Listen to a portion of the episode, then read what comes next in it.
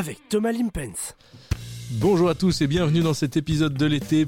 Pendant deux mois de vacances scolaires, vous n'aurez droit qu'à un seul épisode, mais un épisode très qualitatif. Nous allons aborder des sujets très intéressants tels que la franchise et plus spécialement Express. Pascal Beaune va nous rejoindre pour nous décrire les tenants et aboutissants de cette business unit. Pascal Beaune, euh, donc directeur opération Express et membre du COMEX. On a également une rubrique qui abordera le développement de Maxi et plus précisément le Maxi chez Express. On termine donc avec une rubrique qui décrira comment se choisissent et s'organisent les promos chez Express. Mais démarrons tout de suite en musique avec True Story de Ibrahim Malouf.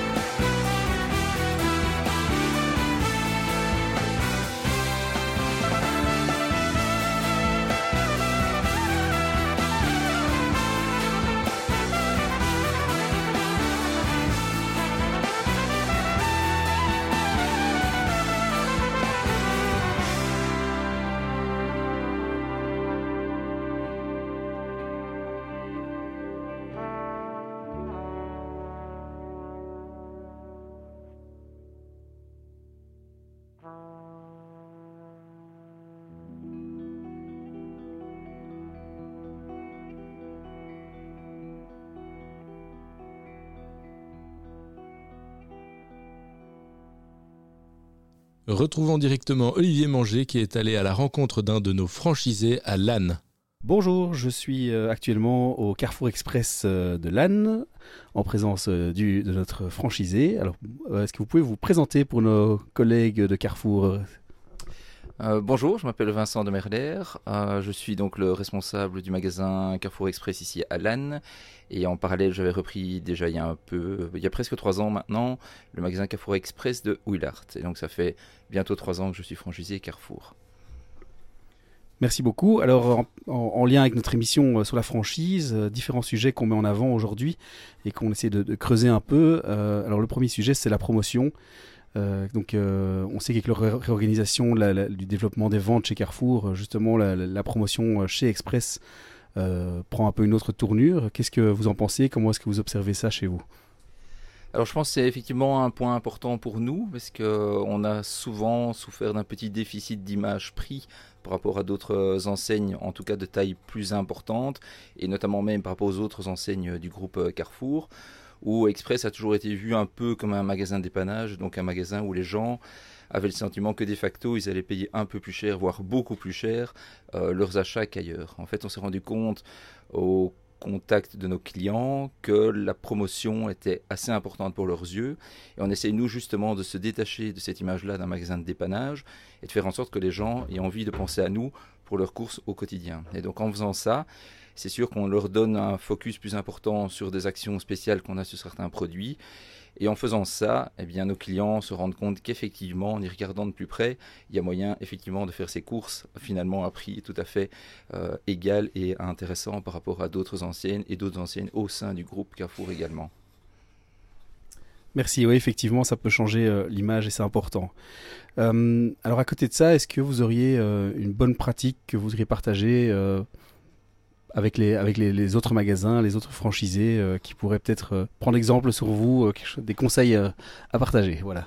Alors, on n'a pas vocation à donner exemple aux autres, mais ce que nous, on met en pratique chez nous et ce qui fonctionne assez bien, c'est quelque chose que j'ai hérité de, de ma vie d'avant aussi, c'est la communication entre les équipes je constate que c'est quelque chose qui, au sein des équipes Carrefour, n'est pas toujours une évidence à proprement parler, alors que ça résout en fait beaucoup beaucoup de problèmes. Si je prends l'exemple par exemple des transitions d'équipe entre le matin et l'après-midi, eh on voit que de notre côté, ce qu'on fait, c'est qu'on insiste beaucoup sur un transfert d'informations entre l'équipe qui a fait le tôt et l'équipe qui va faire le tard pour le dire, OK, ça sont les éléments importants du magasin, qu'est-ce qu'on a déjà fait dans le magasin, qu'est-ce qu'on n'a pas encore eu le temps de faire, euh, quelles sont les choses sur lesquelles l'équipe de l'après-midi devrait porter attention, etc.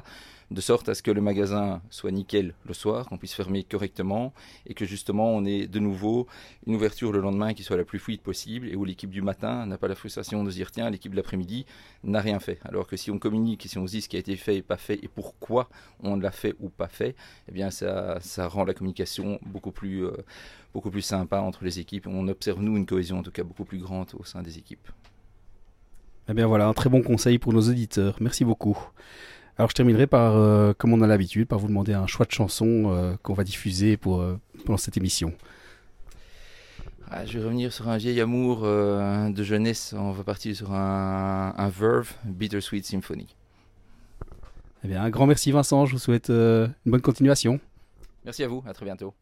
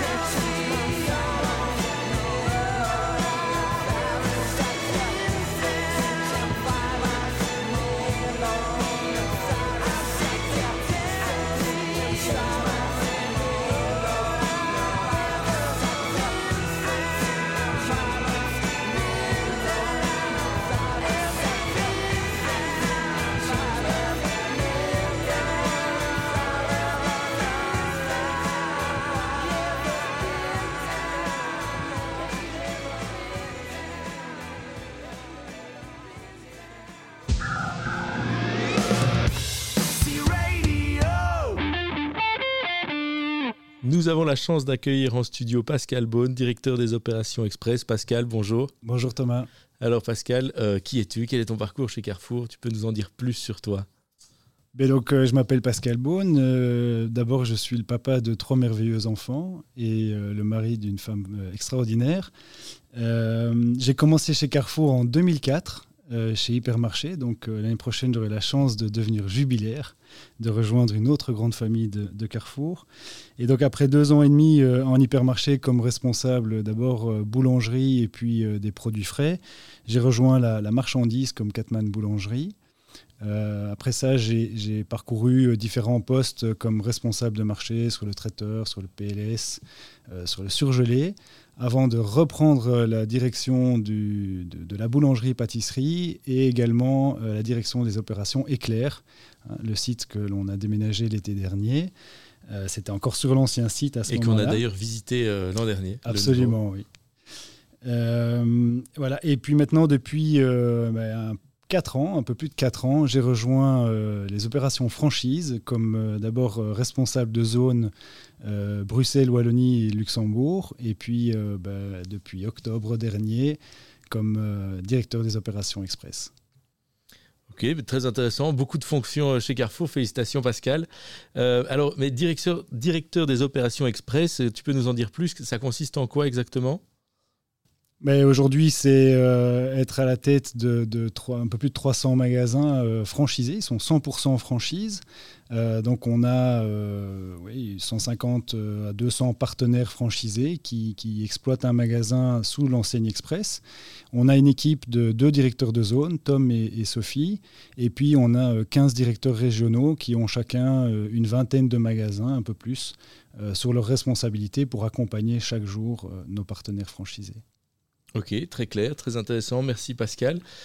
Euh, du coup, Pascal, quels sont les principaux challenges chez Express dans les mois et les années à venir? Le principal challenge à court terme et même à long terme, c'est évidemment de faire réussir nos partenaires franchisés. Sans eux, on n'est pas là et sans nous, ils ne sont pas là non plus. Euh, ils ont aussi traversé pas mal de crises sur les derniers mois. On a eu euh, la crise Covid qui a quand même profondément modifié euh, le métier et aussi la rentabilité de certains de nos franchisés. Après ça, quand ils ont commencé à relever la tête, on a, eu, on a traversé notre crise logistique. donc là aussi, il a fallu les accompagner, les rassurer, travailler énormément avec les équipes logistiques pour pouvoir assurer un bon service. Euh, on doit les accompagner chaque jour au mieux pour euh, les faire réussir aussi bien commercialement. C'est important pour nos clients, mais aussi financièrement, puisque c'est important pour eux. On ne se lance pas en tant qu'indépendant et entrepreneur si ce n'est pas pour gagner de l'argent. Donc, euh, c'est un win-win pour, pour l'ensemble des parties un, très grand défi pour nous euh, euh, en proximité, puisqu'on est le format de croissance. On, doit agrandir notre parc et donc on doit ouvrir euh, régulièrement des magasins, puisque dans la franchise, dans la vie d'un magasin, il y a des magasins qui ont beaucoup de succès, et puis il y a des magasins pour lesquels c'est un peu plus compliqué. Donc on a des ouvertures, heureusement, mais on a aussi parfois des fermetures à cause d'un contexte euh, qui change dans le quartier, euh, un, quartier qui se transforme ou euh, une baisse de, passage ou des loyers qui deviennent beaucoup trop élevés. Donc on doit parfois aussi fermer des magasins. Donc un grand challenge pour nous, c'est d'ouvrir 20 magasins chaque année. Et c'est ce qui est inscrit dans, notre plan. Et on voit aujourd'hui que c'est extrêmement compliqué parce que le marché est très dynamique. Euh, il se passe beaucoup de choses sur le marché avec euh, les derniers événements chez Macro, chez euh, Mesdag, aussi chez Deleuze. Et donc, il y a une certaine frilosité de, la part des entrepreneurs par rapport au retail en ce moment. on doit être évidemment présent à chaque moment de consommation pour, pour nos clients et rechercher constamment la modernité. Donc on est aussi sur un format qui doit être moderne, qui est jeune, qui doit se transformer en permanence et répondre aussi à l'évolution de consommation de nos clients. Et puis je dirais le dernier challenge, c'est notre perception prix et la dynamique commerciale. Euh, aujourd'hui, on n'est pas le moins cher, on n'est certainement pas en proximité, mais la dynamique commerciale et la perception prix pour nos clients est extrêmement importante. On est dans un contexte économique où le pouvoir d'achat est compliqué pour, euh, pour l'ensemble des, consommateurs belges. Et donc on doit aussi euh, euh, offrir à nos clients des offres et des, une dynamique qui permet de faire constater à nos clients que chez Express, ils peuvent aussi faire des bonnes affaires. dernière question, est-ce qu'il y a un accomplissement dont tu es fier au bureau ou dans ta vie privée ou dans ta vie professionnelle? Ben, le, le d'abord mon, parcours. Euh, mon parcours chez Carrefour, parce que c'est vrai que j'ai parcouru différentes fonctions et c'est euh, quelque chose que Carrefour nous, propose et, nous permet en termes de mobilité. Donc c'est assez extraordinaire dans, notre entreprise. Et puis je dirais euh, ben, mon dévouement pour le client et pour nos partenaires franchisés. Il faut savoir qu'on a beaucoup aidé nos partenaires franchisés pendant la crise Covid. Hein, euh, ça s'est pas toujours vu puisqu'on a bénéficié quand même d'un bon boost de chiffre d'affaires dans nos hyper et, dans la plupart de nos markets. En revanche, chez Express, on a quand même 30% du parc qui a énormément souffert du, de la baisse de trafic et on a même dû fermer 15 euh, magasins temporairement. Euh, mais on a réussi à quand même aider pas mal de ces franchisés à relever la tête par rapport à cette crise et puis évidemment, il y a, plein d'autres challenges qu'on doit relever tous les jours euh, en termes d'excellence opérationnelle et, euh, aider nos franchisés à traverser les, différentes crises logistiques et puis aussi évidemment maintenant la crise énergétique. Ok, merci. Encore une question euh, en dehors un peu de, l'Express, mais plus sur ton choix à toi. Peux-tu nous donner un choix musical qui te plaît? Bah, je, je, dirais iPhone, iPhone, just, need, just need your love. Magnifique, on s'écoute ça.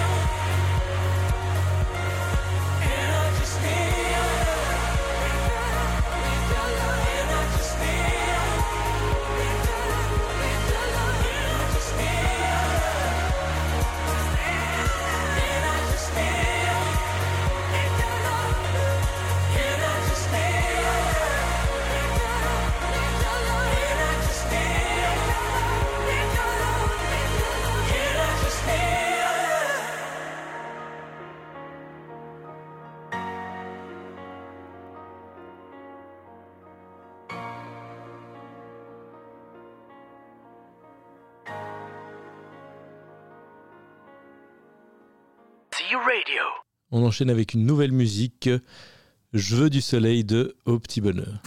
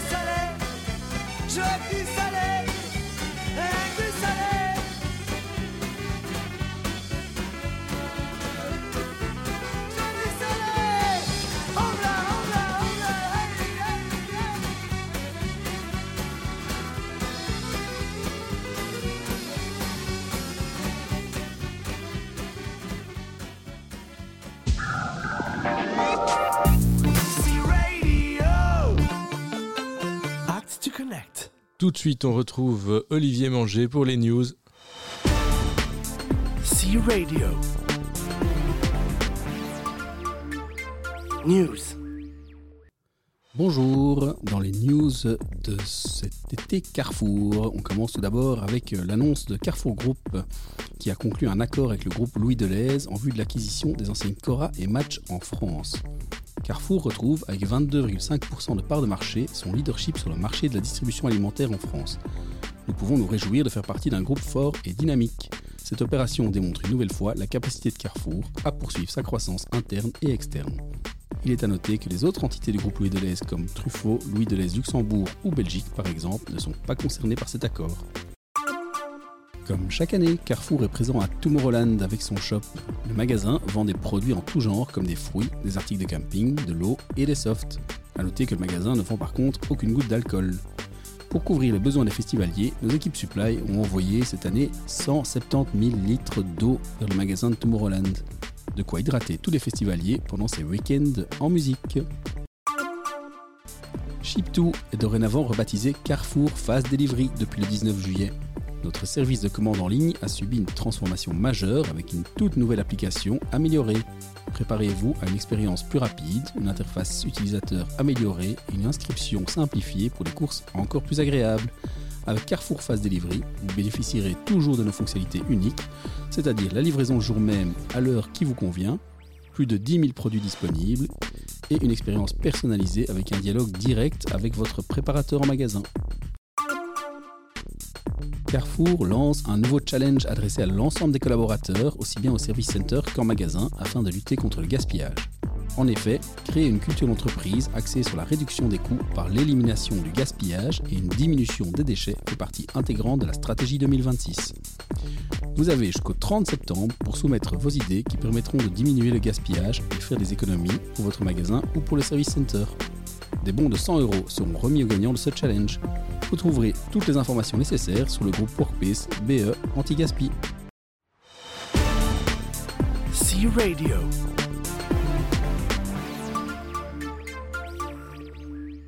Merci beaucoup Olivier pour ces news. Est-ce que tu as un choix de chanson à partager aujourd'hui? Ah ben avec plaisir Thomas. Euh, alors moi j'aime beaucoup Englishman in New York de Sting. Merci.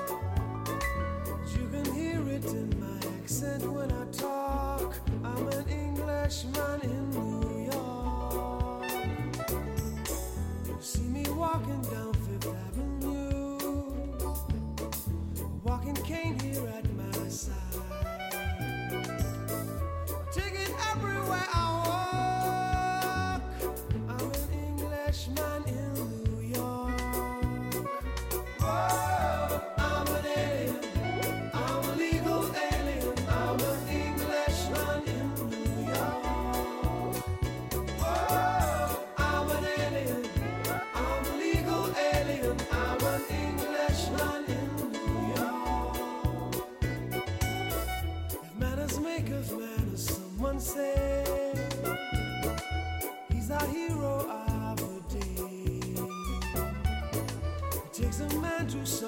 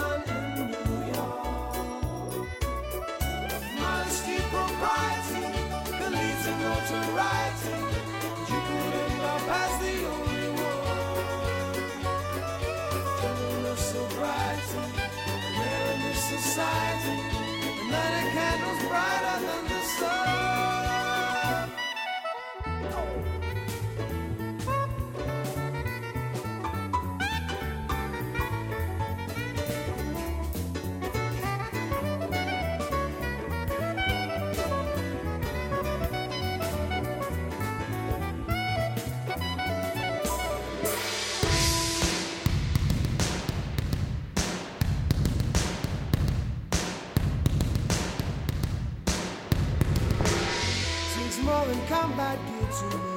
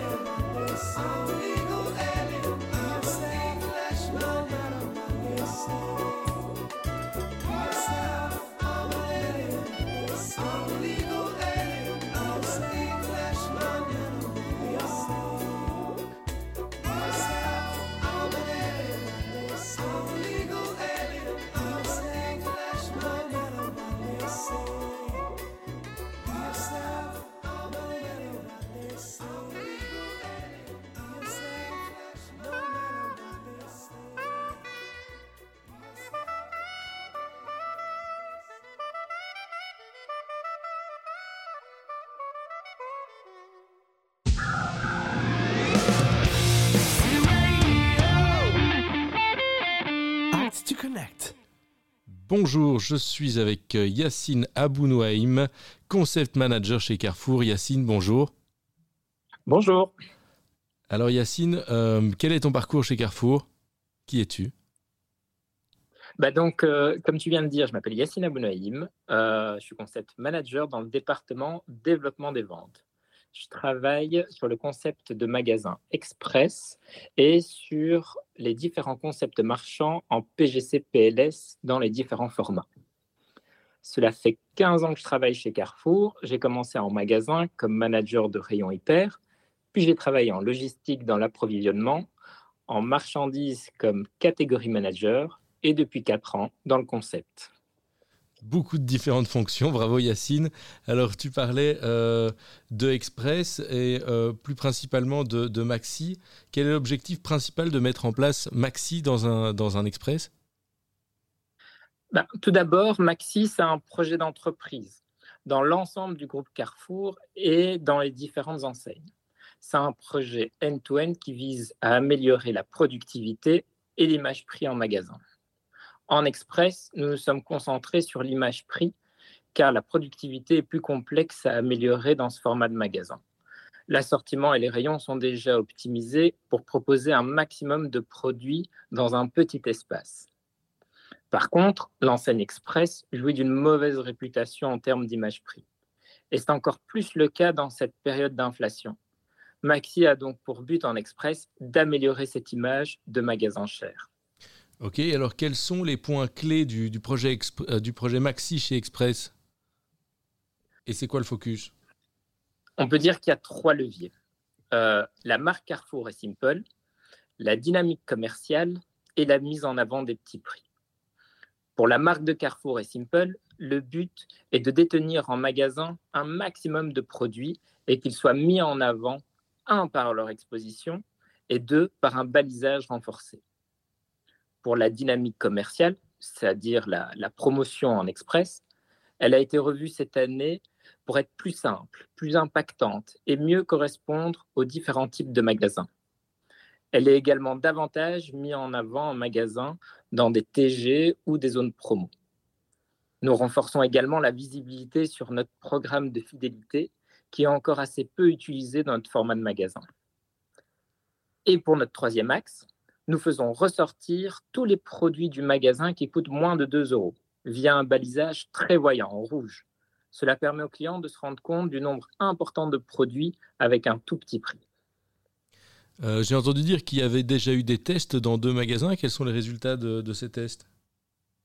Alors effectivement, on a testé euh, le, le- le balisage euh, dans, euh, deux, dans deux magasins. Alors, il faut dire que l'image prix, c'est d'abord un critère difficile à mesurer. Il faut une étude qualitative pour le mesurer, mais c'est également une perception qui met du temps à changer. C'est encore un peu tôt donc pour mesurer les effets.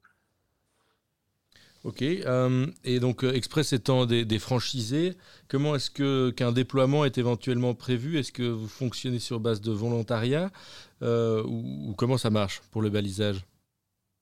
Alors oui, un développement et un déploiement est, prévu et même lancé. Une première phase avec un envoi d'un starter kit a été envoyé à tous les magasins au premier trimestre. Il est maintenant installé.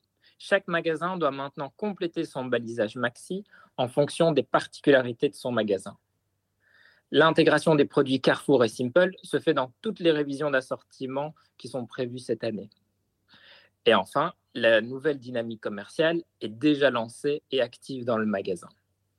On peut donc dire que le projet Maxi est bien en route. Bien, merci Yacine, Euh, un projet très intéressant, surtout pour nos collaborateurs euh, qui en apprennent plus. J'ai une dernière question un peu, plus, euh, un peu moins axée travail. Euh, quelle est ta chanson préférée, Yacine? Alors, euh, c'est pas forcément ma chanson préférée, mais c'était une que j'avais envie de, d'écouter et de partager. Euh, j'ai choisi le titre On a mangé le soleil de Cephas euh, parce qu'il traite d'un sujet important de sensibilisation avec un air entraînant. Et en plus, c'est une chanson que j'apprécie euh, d'écouter avec, euh, avec mes enfants. Bien, parfait. Merci pour, pour cette chanson. On va se l'écouter tout de suite. Merci beaucoup, Yacine, et à bientôt. Avec plaisir. À bientôt.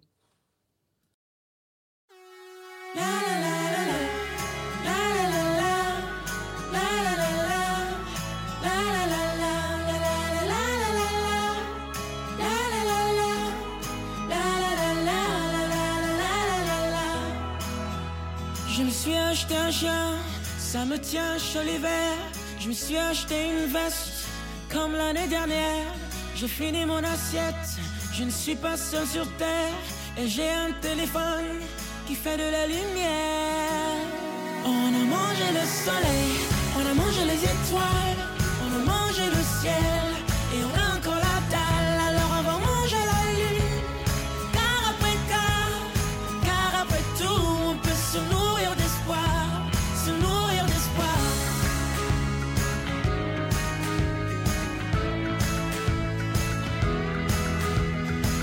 Racheté un chien, comme l'année dernière. Ma veste c'est de mode, je la laisse à l'abbé Pierre. J'ai mangé en assiette, j'ai remis le couvert. J'ai goûté au futur, il a un goût amer. On a mangé le soleil,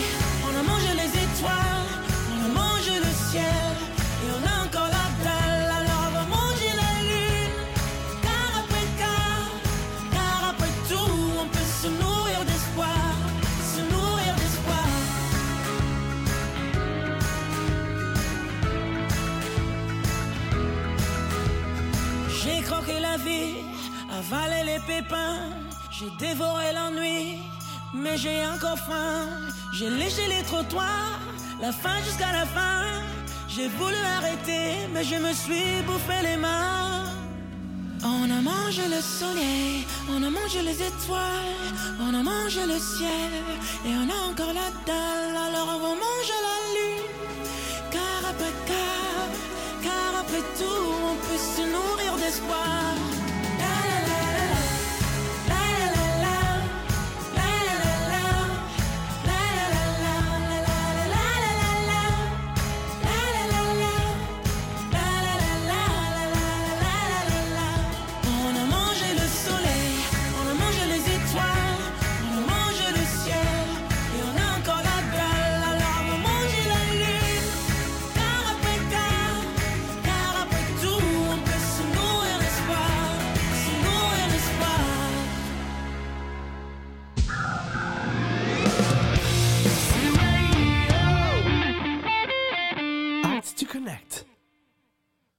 Retour au studio avec Tineke de Quick, responsable dynamique commerciale et plan de vente express. Tineke, bonjour. Bonjour.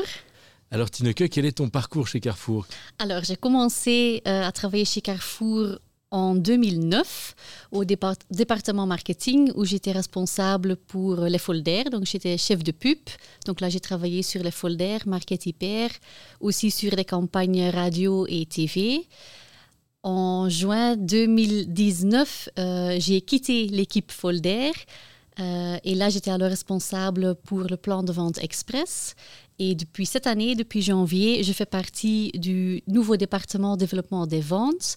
Et là, je suis responsable pour la dynamique commerciale express. Eh bien, un chouette parcours, euh, fait, oui. bravo. Euh, eh ben justement, tu, tu me parlais de folder et tu me parles de Express, et je sais que euh, on a maintenant depuis peu un folder Express. Alors, euh, quels sont les résultats de ce folder? On a commencé avec des folders euh, digitaux express en mois de mai. Donc, au mois de mai et en juin, on avait un folder digital. Et les premiers résultats sont assez positifs. Donc, euh, ça veut dire que les clients trouvent nos promotions très intéressantes. Euh, ils sont aussi très attractifs.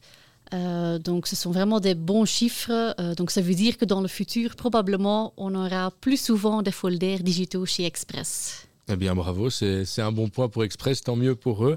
J'ai une question un peu plus souple. Quel est ton choix de chanson pour la suite de l'épisode? Oh wow! Euh, ben, J'adore toutes les chansons euh, de Weekend, donc peut-être Blinded Lights. Ok, mais parfait, on se l'écoute tout de suite. Merci. Merci.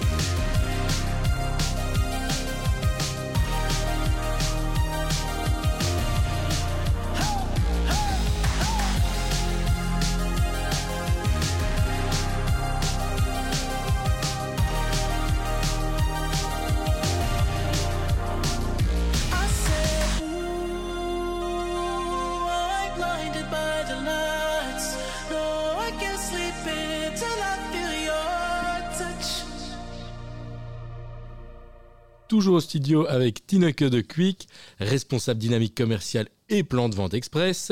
Mais alors là, mes questions vont suivre. Quelle est la dynamique commerciale de Express, Tineke Alors, la dynamique commerciale chez Express, euh, il y a assez beaucoup. Depuis cette année, nous avons deux plans de vente. Donc, on a un plan de vente qui est national, donc valable pour tout le parc Express, avec un ticket minimum. Donc, vraiment des offres obligatoires à suivre et à installer et théâtraliser en magasin. Donc, il s'agit chaque semaine de quatre offres en PFT et quatre offres promotion en PGC et PLS. Et à côté de ça, nous avons aussi lancé un plan de vente spécifique pour les magasins ruraux et résidentiels. Donc les magasins plus grands qui ont plus de place pour installer des promotions et où le clientèle vient aussi plusieurs fois en semaine pour faire leurs courses. Et donc là, on va rajouter des promos par semaine. Donc quatre offres PFT supplémentaires chaque semaine et quatre offres PGC PLS en plus. Euh, et à côté de ça, nous avons aussi euh, des produits du mois et des offres qui sont valables pendant tout un mois, euh, c'est-à-dire le vin du mois, le produit Carrefour, le produit MDD du mois et des combo deals. Et donc tous les magasins mettent ces genres de produits en avant. C'est le but, c'est le but. Donc il y a des affiches qui sont prévues, euh, des communications sur les écrans magasins. On a même des spots radio in-store, euh, donc pour vraiment montrer aux clients que aussi chez Express, il y a des promos très intéressantes à faire, des promos des grandes marques, mais bien sûr aussi euh, notre propre marque Carrefour, parce que Carrefour Express, tout le monde a comme, comme idée que nous sommes très très chers, mais c'est pas du tout le cas, c'est pas vrai. Nous avons aussi un, grand assortiment euh, en produits de notre propre marque. Euh, et donc ça, depuis cette année, c'est aussi euh, très important et notre objectif aussi pour euh, renforcer ça encore. C'est très intéressant pour notre image prix. Ouais. Et j'ai cru voir que dans, dans les express que j'ai visités récemment, qu'il y avait des, des, des affichages euh, à côté des, des ESL et tout ça pour, pour montrer que les prix étaient, étaient ronds, je crois. Oui, et même, si euh, même chez Express, euh, la campagne baisse de prix, par exemple, c'est quelque chose de très intéressant. Donc, ça se joue aussi chez nous. Ok, alors tu parlais tout à l'heure de magasins ruraux et urbains. Euh, j'ai cru comprendre euh, via les échanges qu'il y avait également une troisième euh, entité qui était les magasins de passage. Mais qu'est-ce que c'est? Alors, un magasin de passage n'est pas un magasin normal ou basique. Ce sont vraiment des tout, tout petits magasins qui se trouvent dans les gares métro, les gares de train, dans des rues touristiques. Donc, des tout petits magasins, ils ont pas toujours la possibilité de bien théâtraliser des promotions ou des actions. Et donc, pour eux, euh, nous avons comme rêve ou comme, comme souhait d'avoir aussi un plan dédié à eux, aux magasins de passage, avec euh, des offres spécifiques pour eux. Par exemple, des donuts, euh, des wraps pour le lunch, donc vraiment des produits spécifiques pour eux. Et si je comprends bien, donc les magasins de passage, c'est des magasins qui sont dans, dans des gares ou dans. Tout à fait, oui, oui. Ouais. Euh, beaucoup de passages, vraiment des magasins de dépannage aussi. Euh, et là, il y a aussi une forte demande d'avoir euh, des promotions spécifiques. Nous avons aussi comme idée de jouer un jour le happy hour dans ce magasin-là. Donc, c'est par exemple une promo uniquement valable pendant 7h et 9h le matin. Euh, c'est pas encore opérationnel aujourd'hui, mais c'est quelque chose qu'on aimerait bien développer en 2024. Des combos pour le petit déjeuner magnifique. Ben, Tineke, merci beaucoup pour euh, cette interview. Euh, on en sait aujourd'hui beaucoup plus sur Express. Merci aussi d'avoir fait l'interview avec nous, euh, l'équipe francophone, parce que je sais que tu l'as fait aussi avec l'équipe néerlandophone. Ben, je, je crois que toutes les équipes Carrefour sont enchantées d'écouter les informations que tu nous as données sur Express. Merci beaucoup, c'est très gentil. Au revoir. C'est déjà la fin de cet épisode de l'été. Euh, nous savons aujourd'hui plus sur comment fonctionne notre business unit Express. Pascal Beaune nous aura parlé des différents challenges pour Express aujourd'hui. On retient l'importance de l'expansion et d'avoir un partenariat win-win entre Carrefour et les indépendants. Yacine a abordé le sujet du projet Maxi et euh, le fait que déjà deux magasins Express euh, soient en projet Maxi actuellement. Enfin, Tineke parle de la promotion chez Express, un sujet qui amène du monde et du trafic dans nos magasins. Merci avant tout à tous pour votre écoute attentive. On se retrouve au mois de septembre pour le prochain épisode. On finit en musique une nouvelle fois par Summer Wine de Nancy Sinatra. Strawberries, cherries, and an angel's kiss in spring. My summer wine is really made from all